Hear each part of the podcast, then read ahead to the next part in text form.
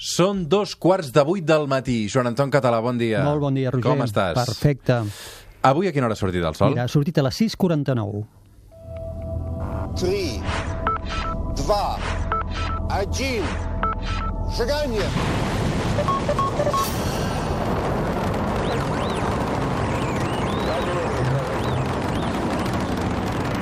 One small step for man.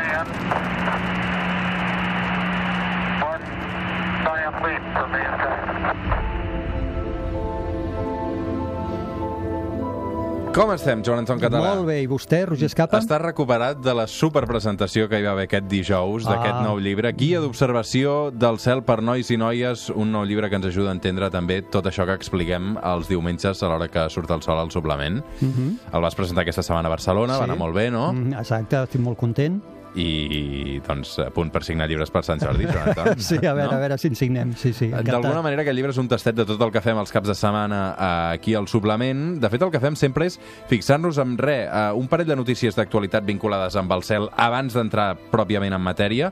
Aquesta setmana hem llegit que la NASA ha seleccionat nou equips científics als qui donarà contenidors que contenen mostres de la Lluna portades per les missions Apollo. Ah, efectivament. Què vol dir això? Doncs mira, eh, quan es va anar a la Lluna, recordem que l'última vegada que vam trepitjar la Lluna va ser el 1972, això és com la prehistòria, es van agafar mostres que es van tancar en contenidors i no s'han tornat a obrir fins ara. I per què? Perquè la NASA va pensar de preservar aquestes mostres per quan la ciència estés més avançada que es poguessin analitzar millor. En aquest moment la NASA n'allibera nou d'ells, ha seleccionat nou equips de nou universitats americanes i els hi dona contenidors totalment tancadets amb mostres de la Lluna perquè les analitzin. Mhm. Doncs aquest és el titular, eh? Exacte. En principi ho deixaríem aquí, no? Sí, sí, ara a veure què troben. Va, uh, Joan Anton, uh, fa pocs dies va ser 14 de març, uh, per la gent potser és una data que dius, bueno, 14 de març. Doncs no, és una data significativa pel món científic, recordem-ho. Uh, fa tot just un any que va morir un dels científics més rellevants de l'era moderna. Parlem de Stephen Hawking. Exacte. Avui al suplement li retrem homenatge recordant les seves contribucions més importants al món de l'astronomia. De fet, això que sona és la banda sonora de La teoria del todo, aquella pel·lícula, en aquest cas, aquell biòpic de Stephen Hawking protagonitzat per Eddie Redmayne eh, i Felicity Jones. Uh, això anava una mica així també en el món del, del cine, Joan Anton. Uh -huh. uh, Stephen Hawking, uh, segurament uh, la primera cosa que ens ve al cap és aquella Sí. imatge física condicionada, evidentment, per la seva malaltia. Exacte. Però allà s'hi amagava un cervell. I privilegiat. Ella, ella a vegades ho havia comentat, havia dit que justament el seu hàndicap, la seva condició física, el va fer entrenar el seu cervell i se- s'obligava, o era la seva única eina al començament, abans que no hi hagués l'ordinador adaptat, de poder desenvolupar ciència. Ell tot ho feia amb el seu cap, com molt abans ho havia fet Einstein. Einstein no perquè patís enfermetat, uh -huh. ell sí, i això el va desenvolupar unes capacitats brutals. Recordem que tenia ELA, no? Exacte, tenia ella que se la va diagnosticar eh, quan tenia 28, 21 anys només, ella estava estudiant, se li va diagnosticar 21 anys i no voldria estar equivocat, crec que és el malalt d'ella que més longevitat ha tingut, em sembla. Eh? Imagina't. Sí.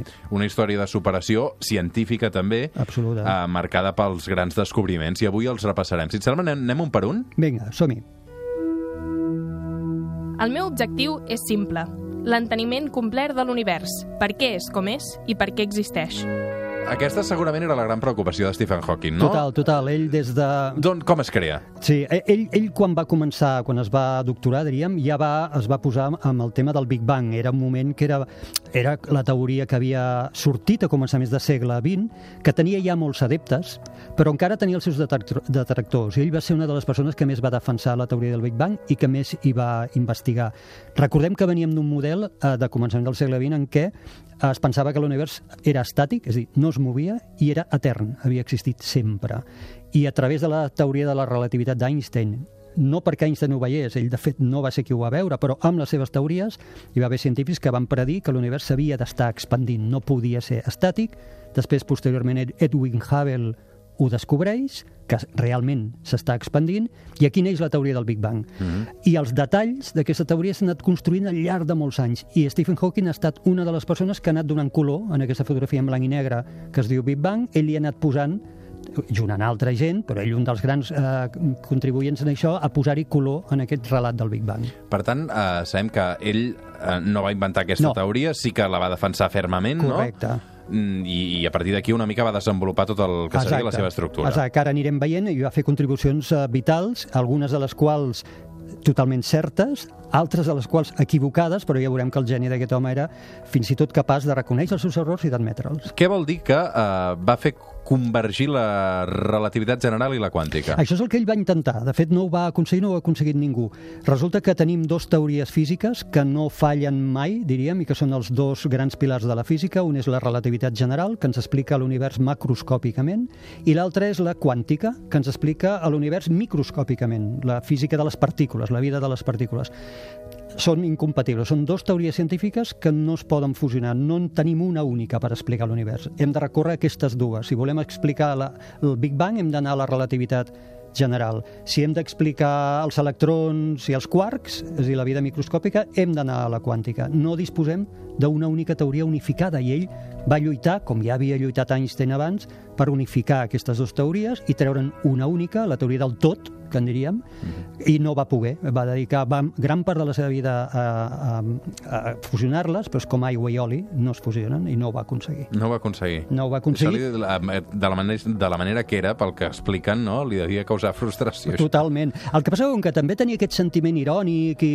potser era cunyón, eh? Sí, Ah. exacte. I llavors no sé si ell mateix se'n se devien riure de no haver-ho pogut fer. El que sí que veig bastant clar és que un cop traspassat el Hawking, no sé si en aquest moment hi ha uh, alguna figura similar i no sé si estem pas a prop de que algú pugui arribar, que ja no serà una persona, seran grups de científics, però igual encara estem lluny de poder fusionar, fusionar aquestes dues teories. Avui a la Terra es plana, avui al suplement, recordem com pensava un any després Stephen Hawking. Les probabilitats de rebre notícies des de l'altra banda del rebot no són més grans que les d'enviar un missatge cap al passat per tal d'evitar esdeveniments desagradables posteriors. Ui, ui, ui, a veure, això ho he de tornar a llegir, eh? A veure, les probabilitats de rebre notícies des de l'altra banda del rebot no són més grans que les d'enviar un missatge cap al passat per tal d'evitar esdeveniments desagradables posteriors. Sí, això és, això és profund. Mira, apareix la paraula rebot, que és la part, la part més important, i és que al moment zero, al moment del Big Bang, s'escapa a qualsevol d'aquestes dues teories que et comentava abans. Ni la quàntica ni la relativitat poden explicar què va passar en el precís moment zero. Llavors, què, què va fer el, el Hawking? Va intentar evitar aquest moment zero. I va dir què passaria si l'univers en veritat rebotés? És a dir, ara s'està expandint però vingués del rebot d'un altre univers anterior que potser s'estava contraent. I llavors arriba a un punt en el qual rebota i torna a començar, amb la qual així ens evitem matemàticament el model zero i podem intentar amb la física que tenim explicar a l'univers. I ell es referia en això com el rebot de l'univers. Per tant, estaríem en aquest moment visquent una fase llarguíssima de 13 de 13.800 milions d'anys conseqüència d'un rebot. d'un rebot, d'un rebot que es va donar fa 13.800 milions d'anys. Això és la teoria seva, eh? Un sol seva. rebot o n'hi ha més d'un? En podria haver més. Igual com n'hi ha hagut un, ell defensava que podria ser oscil·lant, podria ser un model en què aquest rebot A veure, i eh, aquesta... s'hagués- Sí, o sigui, ara ja estem entrant en una... Sí, sí, clar. Aquí t'està agradant perquè estem entrant en un... Clar, és el Big Bang. És el Big Bang, sí.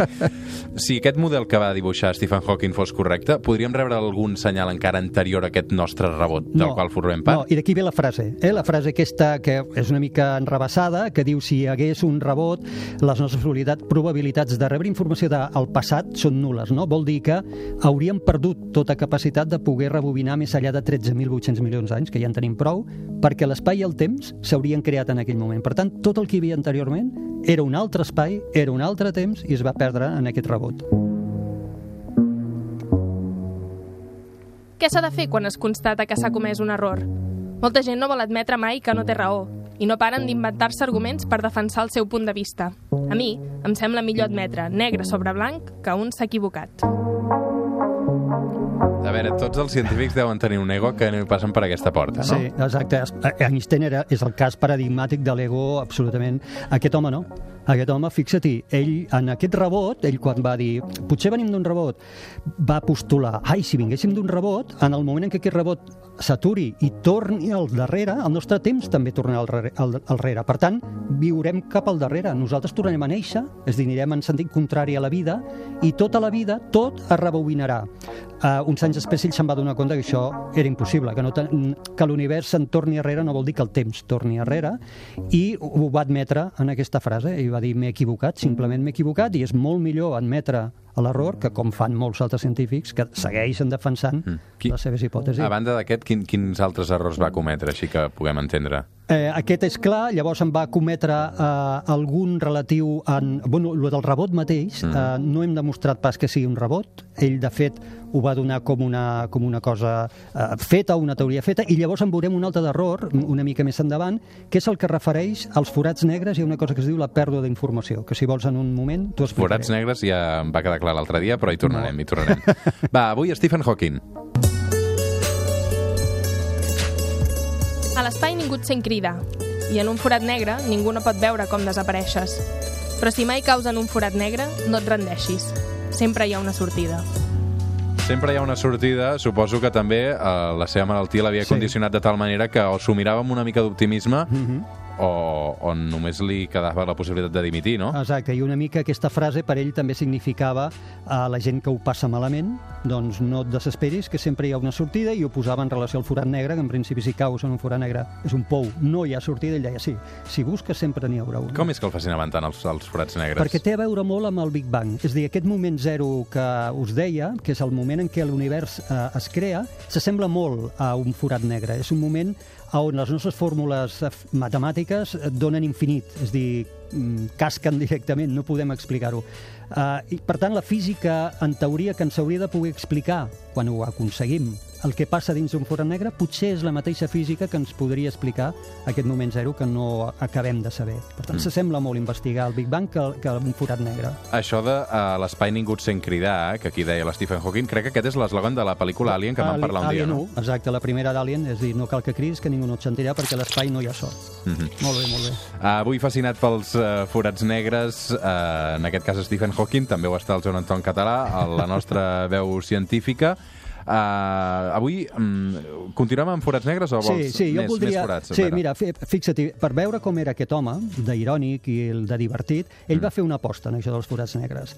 I a l'any 74 es va apostar amb un físic, en un company seu, que els forats negres, atenció, no existien, quan ell defensava que sí.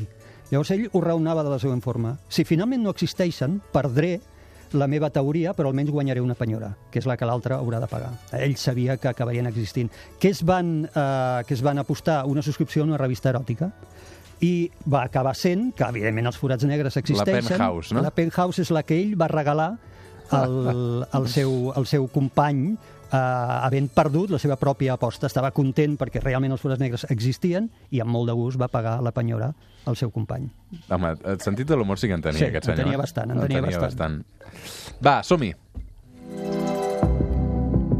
A l'univers, la vida primitiva segurament és comuna, però la vida intel·ligent és molt rara. Alguns diuen que encara ha d'aparèixer a la Terra.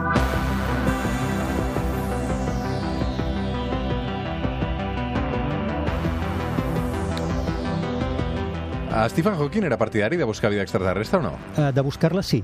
El que ell no era partidari era d'enviar senyals eh, cap a fora. Ell deia que enviar senyals cap a fora era una imprudència, perquè vés a saber quines serien les intencions d'algú de fora, però ell era partidari d'anar-la a buscar i va participar com a patró, diríem, com a promotor d'alguna iniciativa, com n'hi ha una que es diu el Breakthrough Starshot, que consisteix en enviar centenars, si no milers, de petites naus, petits cubículs petitons, amb veles solars, cap a les estrelles Alpha Centauri, que seria el sistema estel·lar més a prop de la Terra, pensant que alguna d'elles, d'aquestes milers de Xam, algunes d'elles aconseguiran arribar i ens podran enviar eh, imatges o dades. Evidentment són missions que trigarien en la tecnologia actual, seria impensable. En la tecnologia actual trigaríem 50.000 anys en enviar-hi res en aquestes estrelles, però és una iniciativa que està mirant el futur. Eh? I quan tinguem tecnologia de veles solars que a fraccions de la velocitat de la llum puguin tri- trigar moltíssim menys que 50.000 anys en arribar-hi. Mm. Um, fins, malgrat els condicionants que tenia físics, uh, no sé si va aconseguir fins i tot experimentar la, uh, la, la ingravidesa. Sí, No? sí, sí, ell, ho, ell era una il·lusió que tenia i ho va fer dintre de l'avió de la NASA que té per entrenar astronautes i el van pujar, hi ha molt registre fotogràfic i de vídeo d'això, i el van ajudar a a, pujar a l'avió, evidentment, i un cop a l'avió va caure, és un avió que fa una, com una caiguda parabòlica i simula durant uns instants la ingravidesa, doncs ell va flotant a l'espai, en aquest espai interior de l'avió, i la cara, paga amb la cara, vull dir, està feliç, feliç, se'l veu allà superfeliç. Uh, explica'm què és el teorema de la calvície. Sí, mira, uh, això ho preguntes per alguna raó mirant-me? No, bueno, tu el deus...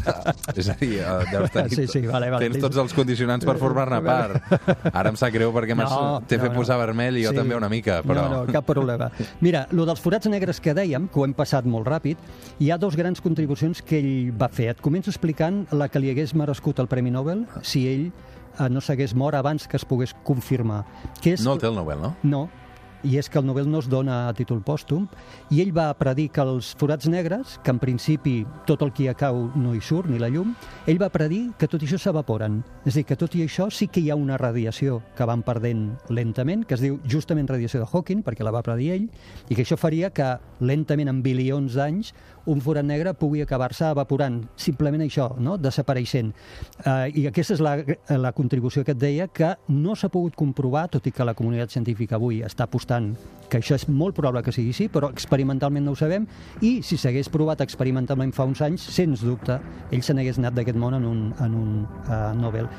La calvície, no, no, ho vull, no ho vull oblidar, i és, uh, parlant de forats negres, ell va demostrar una cosa que Einstein ja havia predit en la seva física i que en diuen que un forat negre no té pèls. Eh? I això vol dir que per descriure les propietats d'un forat negre només cal que sàpigues la seva massa, només que sàpigues la seva temperatura i només cal que sàpigues la, la seva càrrega elèctrica. Perdona, he dit temperatura, no, és la massa, la càrrega elèctrica i si gira o no. En aquests tres paràmetres tu pots descriure perfectament un forat negre en independència de com va ser format aquest forat negre. Si venia de la mort d'una estrella, si venia de l'explosió del Big Bang, qualsevol forat negre, en independència d'on vingués, com hagués nascut, qui l'hagués generat i què hi hagués caigut dins, només sabent això, la massa, la càrrega elèctrica i si gira o no, pots descriure totes les propietats. Això en diuen que un forat negre no té pèls i es coneix com el teorema de la calvície.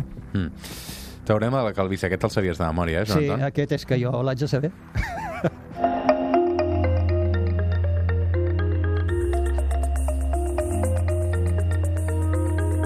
Avui amb el Joan Anton Català a la Terra Esplana hem volgut recordar la figura de Stephen Hawking un any després de la seva mort. Dius que va ser dels uh, malalts de la que, que mm -hmm. va aconseguir viure durant més anys? que Jo crec que vaig llegir que era el que més longevitat havia tingut. No voldria equivocar-me, eh? però penso que va ser el que més. I si no, estarà doncs això, entre els primers, eh, perquè normalment és una enfermata que malauradament és molt ràpida en avançar. Mm. Eh, Tu quan, quan vas descobrir Stephen Hawking? Ho dic perquè eh, els últims anys de la seva vida sí que segurament va tenir aquesta mm -hmm. més projecció pública, però tu que fans que, que, que et mires amb, amb, amb lupa tot el que és l'univers científic, mm -hmm. quan t'hi vas fixar? Molts anys, fa molts anys, no recordo. Ell té, té bestsellers, com La teoria del tot, uh, o l'univers en una closca. Ell és, de fet, uh, alguns dels seus llibres són bestsellers de ciència, divulgació científica, dels llibres més venuts. Ell fa molt de temps que escrivia llibres. Ell el que feia molts dels seus llibres són xerrades que ell donava en auditori, xerrades lògicament assistit per un ordinador, i llavors es, es transcrivien aquestes xerrades que formaven part dels capítols d'un llibre. Per tant,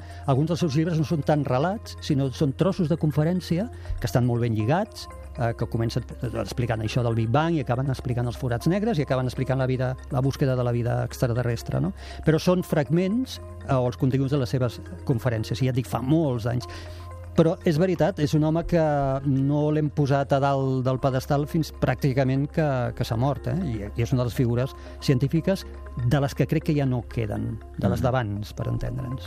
Doncs avui també l'hem volgut recordar. Per cert, Joan Anton, aquesta setmana, si mirem cap al cel, què hi trobarem? Seguirem trobant Júpiter i Saturn a l'alba, mirant cap al sud-est. Júpiter cada cop està més alt i ja comença a ocupar a la, primera, la segona part de la nit, és a dir, ja fins i tot quan és ben fosc a la matinada ja podem veure Júpiter molt brillant i per sota Saturn. S'estan col·locant cada cop millor perquè aquest estiu els tinguem en posició perfecta per mirar-los en prismàtics o amb telescopi. Fantàstic. I la nau Insight, què tal? La nau Inset va fent. Perquè vaig llegir l'altre dia que no tot eren bones notícies, eh? No. Recordem exactament què és la nau Insight per situar una mica els oients que s'acaben de despertar. Molt bé, mira, la nau Insight és aquella missió de la NASA que va aterrar a Mart amb la missió d'entendre com funciona Mar a l'interior. Per tant, port, porta sismògrafs i porta sondes de temperatura per eh, mesurar la temperatura de l'interior. I un trepant que ha de fer forats per posar-hi sondes de temperatura. Doncs bé, aquest trepant ha començat a forarar i s'ha trobat material més dur del que, del que pensaven. Han hagut de parar... La roca. La roca, exacte. Han hagut de parar el trepant per analitzar-ho, per estudiar-ho. És dir, els científics ja saps que són molt... molt eh, tenen moltes precaucions de fer fer coses en una nau que pugui malmetre tota la missió. Llavors ara el que hem fet és aturar eh, temporal, temporalment la perforació per analitzar exactament aquest material i seguir. Segurament es podrà seguir, eh? que passa que volgut per precaució parar. Molt bé. Joan Anton, moltes gràcies per tot. Gràcies a Mira, vosaltres. la tenim aquí al trepant, a veure. Home, una mica xapussa, eh? Una mica xapussa. Mira, aquest és infal·lible. Aquest allà segur que, segur que, que funciona. funcionaria. Joan Anton, una abraçada ben forta. Fem una pausa i tornem al suplement. Fins ara.